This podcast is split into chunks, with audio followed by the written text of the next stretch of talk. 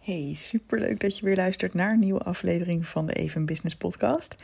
Ik eh, heb je beloofd om uh, nog wat meer te vertellen over het schrijven van een boek.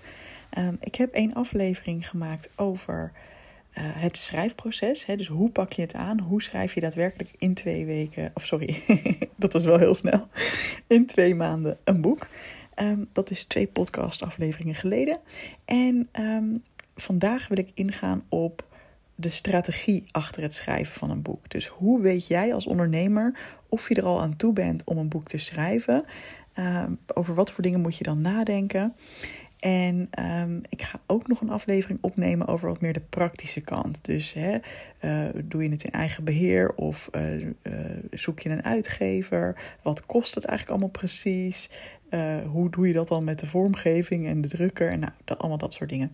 Ik heb het in eigen beheer uitgegeven, dus daar zal dan ook de volgende aflevering over gaan. en ook bijvoorbeeld um, hoe regel ik dat ik niet zelf allemaal boeken sta in te pakken. Want ik heb er in één dag duizend verkocht. Die heb ik niet allemaal zelf verzonden. Sterker nog, nul. Um, dus dat komt in de volgende aflevering, weer de praktische kant. En vandaag gaan we dus op de strategie in. En ook van, hey, hoe kan dat nou dat ik in zo'n korte tijd eigenlijk twee keer duizend boeken uitverkocht heb? Um, en counting. Dus ik hoop dat je er zin in hebt. Ik in ieder geval wel. En let's get started. Nou, allereerst eigenlijk de vraag van wanneer weet je of het het juiste moment is voor jou om uh, als ondernemer ook een goed, uh, ja, om een boek uit te brengen, zeg maar. Is het nou een goed idee? Is het nou slim? Ja of nee? Um, nou, ik heb even een paar dingen opgeschreven die echt, wat echt randvoorwaarden zijn. En het eerste is super praktisch, maar je moet er echt ja, genoeg geld voor hebben als je het op de manier doet zoals ik dat heb gedaan. Ik heb er dus voor gekozen om uh, het in eigen beheer uit te geven. Um, en mijn idee, mijn reden daarachter is dat ik het gewoon heel fijn vind om zelf de controle erover te hebben. Dat ik zelf kon kiezen wat ik wel en niet wil zeggen, ook de stijl kon kiezen. En dat ik zelf ook bijvoorbeeld kon bepalen wat voor weggever erin kwam te staan, waardoor ik hè, mensen op mijn e-maillijst kan krijgen. En um, dus als je dat doet, als je ervoor kiest om het in eigen beheer uit te geven, dan kost dat best wel wat geld. En in, ik zal even het totaal weergeven wat ik tot nu toe heb uitgegeven. En dat is 28.000 euro bij elkaar, kleine 28.000 euro. Um, voor zowel het laten begeleiden in het proces, als het laten drukken, als het laten verzenden, al dat soort dingen. En dat is dus voor uh, dat is nog niet alles, want er komt nog wat bij. Maar voor, ik heb nu al 2000 boeken uh, uitverkocht. En ik heb een derde druk besteld van 1500 boeken. Uh, en ik moet dan nog de tweede helft daarvan betalen. Dus er komt nog een paar duizend euro bovenop. Dus ja, ik zit wel tegen de 30.000 euro aan. Um, in de volgende aflevering ga ik misschien ietsjes dieper op in op wat dan wat kost, zeg maar. Um, en misschien verkoop je, als je er niet zoveel verkoopt. Mijn strategie was om het ook echt ongeveer gratis weg te geven, de eerste zoveel boeken. Um, en alleen verzendkosten te rekenen, ja, dan is het ook echt een kostenpost, zeg maar. Um, dat, dat gaat natuurlijk minder hard als je meteen gewoon je boek tegen een, een normaal bedrag, zeg maar, in de verkoop doet. Maar dan zullen er ook minder mensen gebruik maken daarvan. Dus één als je het in eigen beheer uitgeeft, je moet genoeg geld hebben daarvoor. Twee, wanneer is het voor jou een goed moment als ondernemer om een boek uit te geven? Het helpt heel erg bij het schrijven van het boek als je al een bepaalde methode hebt. Nou, dit is zeker niet een, een um, ja, vereiste, maar bij mij is het bijvoorbeeld heel fijn. Ik heb al een online programma gemaakt waarin ik heb nagedacht over: hey, als ik mensen wil helpen om van hun perfectionisme af te komen, welke vijf stappen zouden ze dan moeten doorlopen om ook echt blijvend resultaat te krijgen? En natuurlijk is zo'n online programma, hij gaat daar veel dieper op in nog dan een boek. Uh, in het boek heb ik gewoon, uh, had ik op een gegeven moment bedacht, oh top, ik pak die vijf stappen en dan geef ik gewoon tien leuke losse tips en anekdotes uh, bij elk van die stappen. maar dat hielp dus voor mij heel erg als kapstok. En het gaat er niet eens zozeer om of jij een vijf stappen proces hebt of een acht stappen proces of weet je wel dat je per se een online programma moet hebben. Maar het is wel fijn als jij jouw visie op jouw vakgebied al heel duidelijk hebt.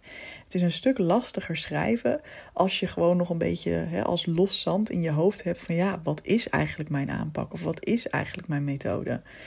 Um, Althans, als je het zo wil doen zoals ik het heb gedaan. Het kan natuurlijk best zijn dat jij bijvoorbeeld een persoonlijk verhaal wilt schrijven. Of hè, uh, op een hele andere manier een boek wil schrijven. Maar als je het echt op zo'n manier wil doen van... hé, het is een zelfhelpboek met, uh, zelfhulpboek met praktische tips. Dan is het natuurlijk heel lekker als jij al best wel wat ervaring hebt... in uh, mensen daarin begeleiden. En ook echt real-life feedback hebt van mensen. Van, oh ja dit is belangrijk. Oh, en als ik deze tip geef, dan weet ik dat de valkuil is dat ze dan bijvoorbeeld daar te ver in doorschieten. In mijn geval, hè. Als ik tip geef van uh, neem tijd voor jezelf en uh, mediteer, dan weet ik, oh, dan is de valkuil dat perfectionisten denken, nu moet ik elke dag tijd voor mezelf nemen en elke dag mediteren. En als ik dat niet doe, is het niet goed. dat weet ik. Dus kan ik dat in mijn boek en in mijn programma meenemen. In plaats van gewoon maar die tip op te schrijven ik geloof er heel erg in dat de echte transformatie hem zit in jouw doelgroep zo goed kennen dat je weet, eigenlijk al op het moment dat je iets gaat zeggen, wat gaat er nu in hun hoofd om en dat wist ik natuurlijk ten eerste omdat ik zelf heel erg last heb gehad van dit onderwerp, van perfectionisme. Maar ook omdat ik al zoveel mensen gecoacht heb. Eerst één op één uh, en later in groepsverband. Um, hè, en, en, door mijn programma. Dat ik gewoon weet, ah ja, dit is waar ze dan nog tegenaan lopen. En dit is dan nog lastig voor ze in het proces. En dat, dat helpt natuurlijk heel erg om zo'n boek te kunnen schrijven. Nou, dus de eerste twee punten. Hè. Hoe weet ik of ik eraan toe ben om een boek uit te brengen? Het helpt om genoeg geld te hebben als je het in eigen beheer wilt doen. En het helpt als je een bepaalde visie of methode hebt die je kunt vertellen. maar er zijn ook ondernemers die het anders doen. Volgens mij heeft Simone Levy bijvoorbeeld veel meer uh, een boek met gewoon inspirerende. Uh, ja, een soort van levenslessen of adviezen voor ondernemers. En daar vertelt ze dan gewoon haar eigen verhalen bij. En dat kan natuurlijk ook. Dus uh, weet je, er zijn meerdere manieren. Nou, een derde tip is wat heel erg helpt als je gewoon al lekker veel klantvoorbeelden kan geven. Uh, tuurlijk is je eigen verhaal super inspirerend, maar ik geloof er heel erg in dat zeker als het bedoeld is om jou als ondernemer, als expert op de kaart te zetten, dat het dan heel lekker is als je gewoon bij bijna elke tip, bij wijze van spreken, een klantvoorbeeld zou kunnen geven. Uh, nou, ik heb 50 tips. Ik heb heus niet 50 klantvoorbeelden verzameld. Had ik zeker kunnen doen. Maar ja, dat, dat wordt dan weer een beetje too much. Maar bijvoorbeeld, ik heb aan het eind van elke stap, hè, dus die vijf grote stappen, zeg maar, de vijf modules ook van mijn programma, uh, heb ik in mijn boek ook afgerond met een wat langer verhaal van een klant, die ik een heel mooi voorbeeld vond van, hey, hoe heb jij dit gedaan? Hè, bijvoorbeeld stap 2 is ontwikkel een groeimindset.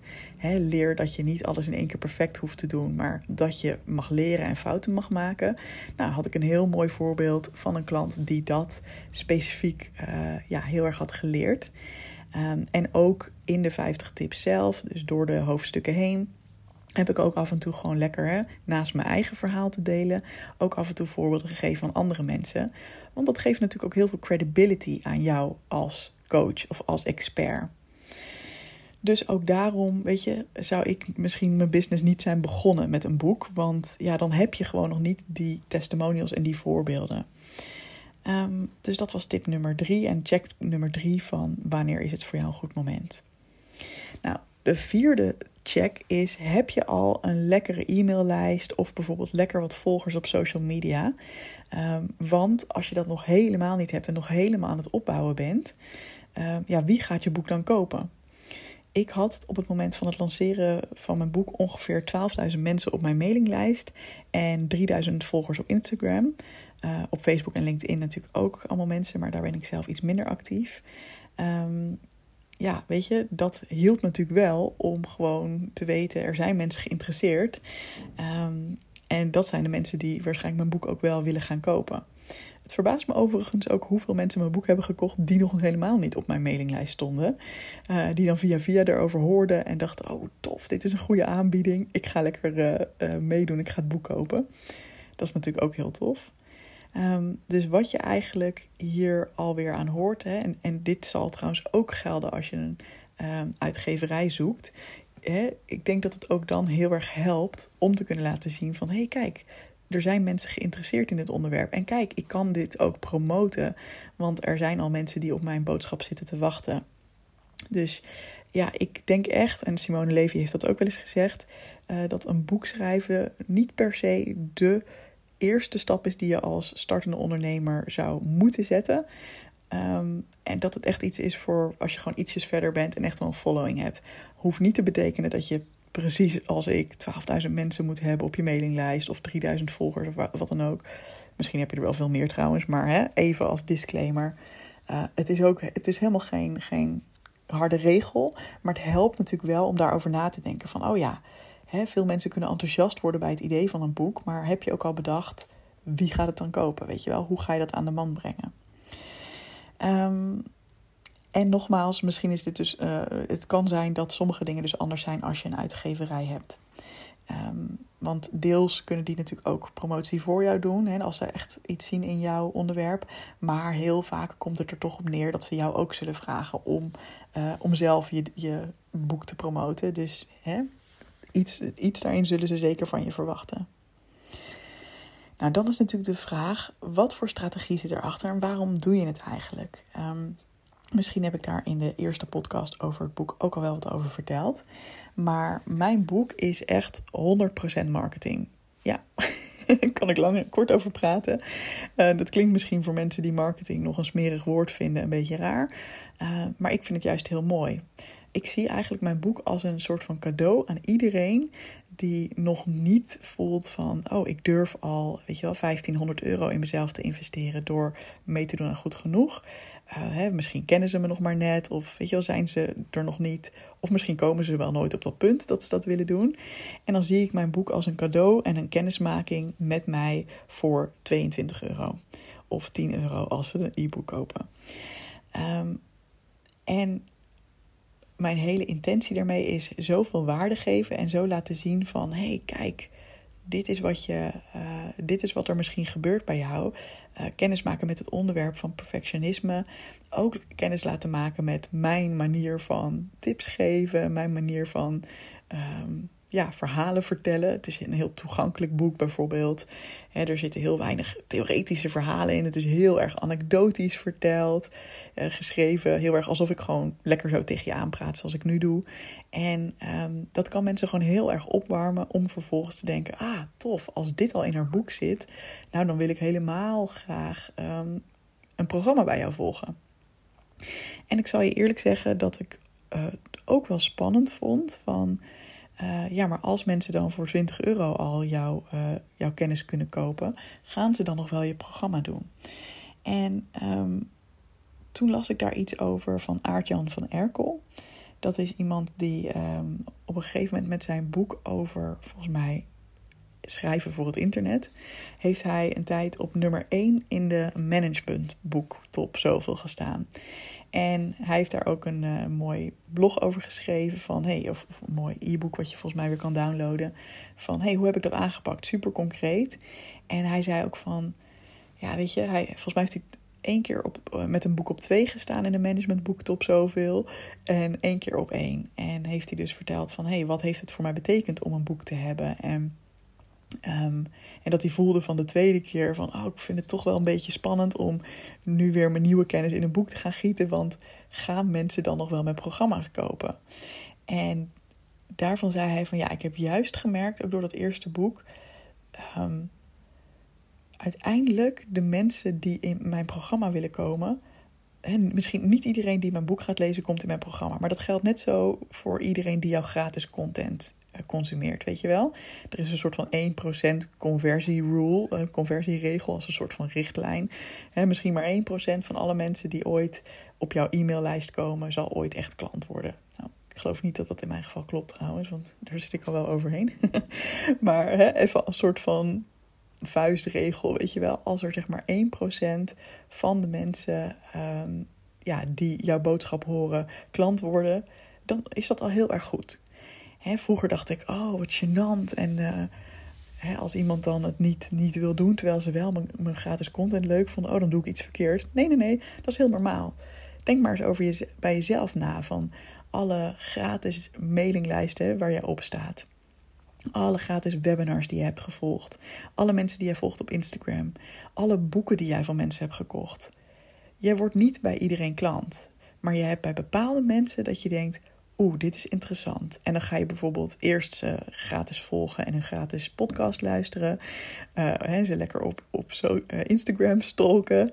Uh, en als je dan voelt, oh, ik raak meer en meer geïnspireerd door deze persoon, dan koop je misschien een keer een boek. of misschien al meteen hè, als het onderwerp je aanspreekt. En als je dan voelt, ja, maar ik wil door deze persoon verder geholpen worden, dan kom je dus eigenlijk in een andere behoefte terecht dan bij al die gratis content. Namelijk, het is niet meer kennis maken met en een beetje zelf uh, uitproberen wat je kan met die tips. Nee, je voelt echt, dan kom je op een andere behoefte, namelijk ik wil hierbij geholpen worden. Ik wil hierbij ondersteund worden. Dus dat is ook de intentie waarmee ik dit boek geschreven heb. Ja, natuurlijk, ik geef toffe tips.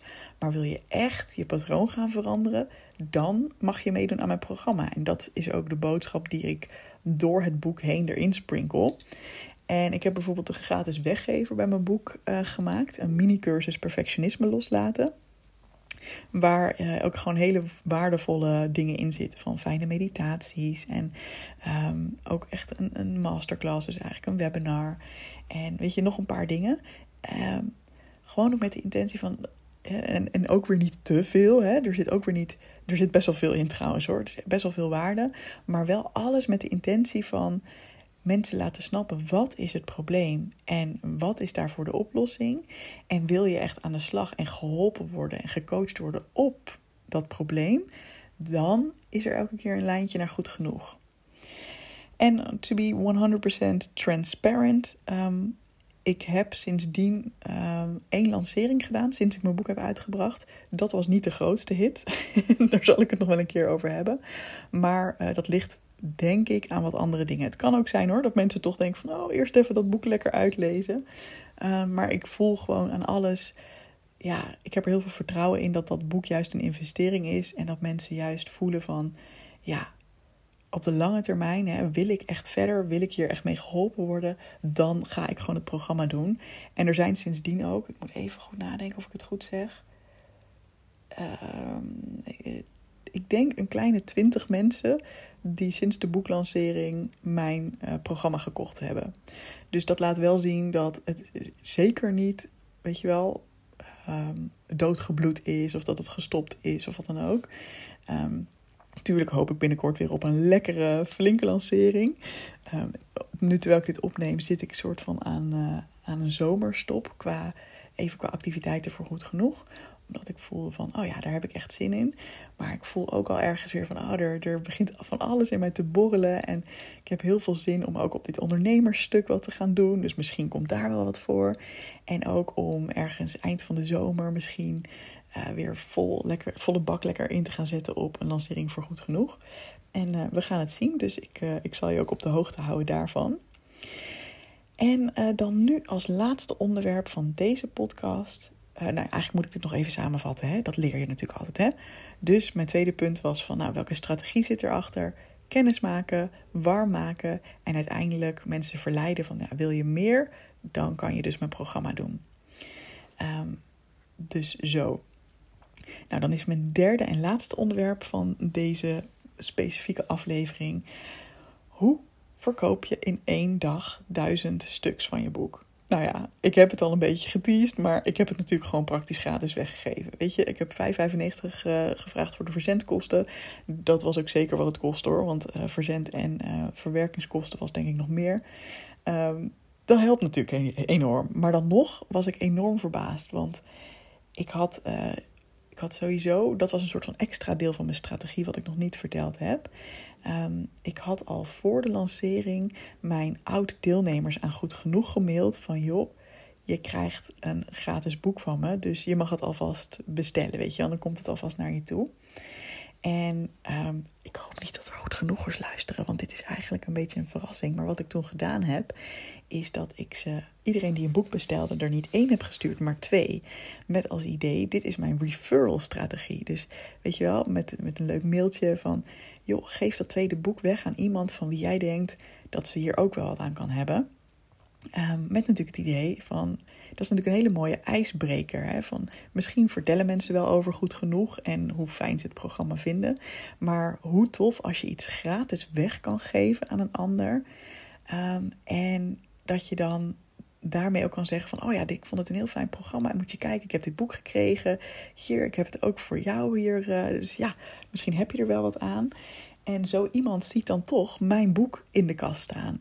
En hopelijk gaan ze het lezen, hopelijk hebben ze er wat aan. Hopelijk gaan ze mijn mini-cursus volgen en schrijven ze zich daarmee dus in op mijn mailinglijst.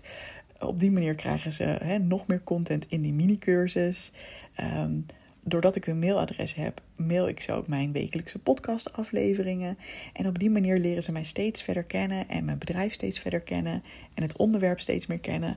En dat zijn gewoon hele warme leads natuurlijk, want ze zijn niet zomaar hè, via een Facebook-advertentie gekomen. Nee, het zijn mensen die echt uh, ja, warm aanbevolen zeg maar, bij mij terecht zijn gekomen. Dus om terug te komen op mijn boeklancering, ik had al iets van misschien 150, 200 boeken um, op die manier zeg maar naar mijn klanten uh, gekregen. En ik had eerlijk gezegd in mijn hoofd van oké, nou ik heb duizend boeken. Nou, ik geef er natuurlijk dan al best wel wat weg aan klanten. Um, maar ja, weet je, ik denk dat we wel een paar maanden kunnen doen met die duizend boeken ook. ook hè? dus ik weet nog niet hoe lang ik die gratis actie laat doen. Maar daarna ga ik dan gewoon het normale bedrag vragen. En dan, uh, nou ja, ik had het echt gewoon in mijn hoofd van, nou, het zou leuk zijn als we er een paar honderd verkopen. En ik had een kassa-geluidje op mijn telefoon geïnstalleerd. Um, ik werk met, werkte met Shopify toen. Dat zal ik in de praktische gedeelte wat meer uh, toelichten. En he, dus ik had het zelf, omdat ik het zelf verkocht toen. Um, ja, had ik dus een, een, webwinkel gemaakt. En het ging echt de keer, jongen. Elke minuut, soms wel vaker dan één keer per minuut. Kaching, kaching, kaching. En het was zo feestelijk, want ondanks dat ik dus helemaal geen winst maakte erop, sterker nog, ik heb daar echt wel uh, in geïnvesteerd, zeg maar. Dan was het wel zo feestelijk dat op de dag dat mijn boek uitkwam, dat zoveel mensen geïnteresseerd waren en dachten: ja, ik wil ook gebruik maken hiervan. En letterlijk die dag werd ik al gebeld door de drukker van hey, we zijn al door de boeken heen. Als het gewoon gaat om wat mensen nu besteld hebben. En toen heb ik besloten, weet je wat, ik laat gewoon de, uh, de bestelling openstaan, zeg maar. En uh, mensen kunnen dan bestellen. En dan had ik er wel bij gezet van, joh, het kan even duren, want we gaan nu een tweede druk meteen bestellen. Dus dat duurt dan zo ongeveer drie weken voordat die nieuwe lading er is. Uh, maar ik dacht, ja, ik laat die actie gewoon lopen, want hoe leuk. Dus echt op die eerste dag zijn er echt meer dan duizend bestellingen geweest van het fysieke boek. En ook nog uh, daarnaast voor het e-book bestellingen. En ehm, ja, de tweede duizend waren laatst op. Dus ik heb 19 april gelanceerd. Dus op dag 1 waren we door die eerste duizend heen. En uh, nou moet ik het even goed zeggen. Ik denk dat nu twee weken geleden. Het is nu 2 juli. Dus zo half juni waren we door de tweede duizend weer heen. Um, en dat terwijl op een gegeven moment had ik die actie uitgezet. Dus op een gegeven moment is gewoon, hè, moesten mensen er wel gewoon voor betalen. Natuurlijk ging het toen wel minder hard. Um, maar alsnog vond ik het eigenlijk best wel snel gaan. Um, nou, wat heb ik gedaan om, uh, om hier zo'n groot succes van te maken? Nou, wat ik sowieso heb gedaan, is dat ik al voorafgaand hieraan um, heb verteld en gedeeld van hé, hey, er komt een boek aan. Dus ik heb op mijn Instagram-account, zowel even in business als natuurlijk ook mijn uh, Evelien Bijl-account, heb ik gedeeld van oh, er komt een boek aan, superleuk. Uh, ik heb daar al een paar keer mailtjes over gestuurd. Ik heb al een wachtlijst gemaakt voor mensen die daarin geïnteresseerd waren. Zo van, nou, dan krijg je als eerste de kans om het uh, te bestellen. Um, ik heb het ook hier, in uh, niet hier, maar op mijn podcast van de Perfectionisme podcast gedeeld. En op die manier heb ik mensen eigenlijk al van tevoren al daarin meegenomen. En ook op LinkedIn trouwens en, en, en Facebook. En mensen vinden dat gewoon heel erg leuk om te zien. Oh, wat vet, er komt een boek aan, wat cool. Daardoor volgen ze je al en krijgen mensen al een beetje zo'n die excitement van wat gaat er gebeuren. En ik nam ze ook mee in het proces van bijvoorbeeld uh, hey, ik heb nu bijvoorbeeld wat verschillende covers, weet je wel, waar ik uit moet kiezen. Uh, ik denk hier en hier aan en ik liet al een beetje wat zien stiekem. Of ik vertelde over het proces van afspreken met degene die mij uh, hierin hielp. En ja, mensen vinden dat gewoon leuk en denken dan gewoon, oh, ik heb er echt super veel zin in. Um, ook een hele belangrijke is, ik had in eerste instantie, toen ik begon met het schrijven van dit boek, had ik het idee hoe leuk zou het zijn als het volgend jaar op mijn verjaardag uitkomt? Ik ben jarig op 27 maart. Dus bij deze stuur me een cadeau. nee hoor, grapje. Um, maar brownies met karamelzoutsmaak zijn altijd welkom. Um, ik had bedacht, hoe leuk, weet je wel. Ik was in, uh, volgens mij, november begonnen met officieel schrijven. En ik dacht, ja, dan, weet je wel, dan moet het dus in december af zijn. Want het is ongeveer drie maanden het hele proces van redigeren, koffers maken, drukken, et cetera. Um, dus ik had ook mijn deadline gehaald. En het kon ook echt letterlijk op mijn verjaardag uitgebracht worden. Maar ik voelde. Oh man, ik had net een lancering volgens mij op 6 maart gehad voor goed genoeg. En ik was gewoon best wel moe. En ik, ik had helemaal niet die excitement. Hè, want na die lancering ja, ik was gewoon best wel, ik had even een energiedipje. En ik dacht, ja, dan moet ik nu alweer gaan hypen en gaan regelen. En gaan zorgen dat het allemaal in orde komt. Alles regelen met die webshop en met de mensen die het boek distribueren. Ik voelde hem gewoon echt niet. En ik dacht, ja, Evelien, dit is ook echt luisteren naar jezelf. Hè. Dit is echt wat ik ook leer aan mensen over perfectionisme loslaten. Dus, en ook in je bedrijf. Als je hem niet voelt, weet je, het allerbelangrijkste in mijn bedrijf is dat ik het voel, dat ik enthousiast ben. Want pas dan kan ik het enthousiasme overbrengen. En ik weet natuurlijk niet hoe het zou zijn gegaan, maar mijn gevoel zegt 100% als ik toch op mijn verjaardag op een zaterdag, dat was ook nog dat ik dacht, oh, ik heb helemaal geen zin om op zaterdag te werken. Dat voelde ik toen echt. Als ik dat toch mezelf had gedwongen en dan maar gewoon, weet je wel, het verplichte mailtjes had klaargezet en uh, live op Instagram was gegaan Misschien was het precies hetzelfde gegaan. Hè? Dat weet je nooit achteraf. Maar mijn gevoel zegt dat het dan heel andere energie had uitgestraald en dat het heel anders was gelopen. En nu heb ik mezelf gewoon een paar weken extra gegeven. Ik heb het naar 19 april gezet. Ik heb ook mensen bewust rondom mijn verjaardag gemaild van... Yo, ik heb het over mijn verjaardag gehad. Uh, niet om mezelf te verontschuldigen. Want ik heb altijd vanaf het begin gezegd... ik denk rond mijn verjaardag. Maar helemaal in het begin zei ik trouwens, ik hoop voor de zomer. Een soort van om mezelf de ruimte te geven om lekker uit te lopen. Nou, het ging heel snel. Uh, dus toen begon ik wel te zeggen van nou, hè, misschien rond mijn verjaardag. En, uh, maar nooit beloofd. Want ik hou er heel erg van om gewoon te zeggen van joh, en het kan ook anders lopen, weet je wel. Um, dat, hoeft ook, daar hoef je ook helemaal niet zo, uh, zo spastisch over te doen. Het is vroeg genoeg als je dat een paar weken van tevoren aangeeft. Of zelfs niet. het, is, het is mijn boek. Fuck iedereen die daar iets anders over denkt. Uh, maar toen heb ik dus gewoon een hele toffe mail geschreven van... joh, ik zou eigenlijk... Hè, mijn plan was eigenlijk om het uh, op mijn verjaardag uit te brengen. Ik kies er nu heel bewust voor om het niet te doen. En ik maakte daar meteen, koppelde ik daar een les aan. Namelijk, dit boek gaat over perfectionisme loslaten. Um, hoe perfectionistisch zou het voor mij wel niet zijn om mezelf te dwingen om ergens mee door te gaan, terwijl ik voel dat dit niet het moment is. En vraag aan jou, wat zou jij hebben gedaan in mijn plaats? Als jij voor je gevoel al misschien iets beloofd had of iets gezegd had, je een beetje gecommitteerd had ergens aan, zou je dan ook voor jezelf kiezen en zeggen: nee, ik stel het uit? Of zou je dan jezelf eigenlijk voorbij werken, je grenzen overgaan en tanden op elkaar en kosten wat het kost, ervoor zorgen dat je die deadline zou halen, want anders zou het heel slecht zijn. En daar kreeg ik ook echt mooie reacties op van een paar mensen die zeiden: Oeh, hele confronterende vraag. En ik ben bang dat ik inderdaad nu nog in die perfectionistische modus was geschoten. Dus dank je wel voor deze reminder. Nou, huppatee, zo maak ik natuurlijk van alles ook een les, weet je wel. Um, en zo probeer ik ook zelf echt te leven wat ik mensen meegeef. Um, dus ja, ik heb heel erg het gevoel dat dat ook heel erg heeft bijgedragen aan het succes. Omdat ik er dus super enthousiast over was. En ik heb er ook echt een feestje van gemaakt, want daar had ik dus ook zin in. Anders had ik daar geen zin in gehad. Dus ik heb van die roze gouden ballonnen besteld. En, en andere kleuren met van die leuke confetti ballonnen erin. Uh, roze gouden vlaggetjes opgehangen. Uh, ik heb een Instagram live uh, gedaan van een uurtje.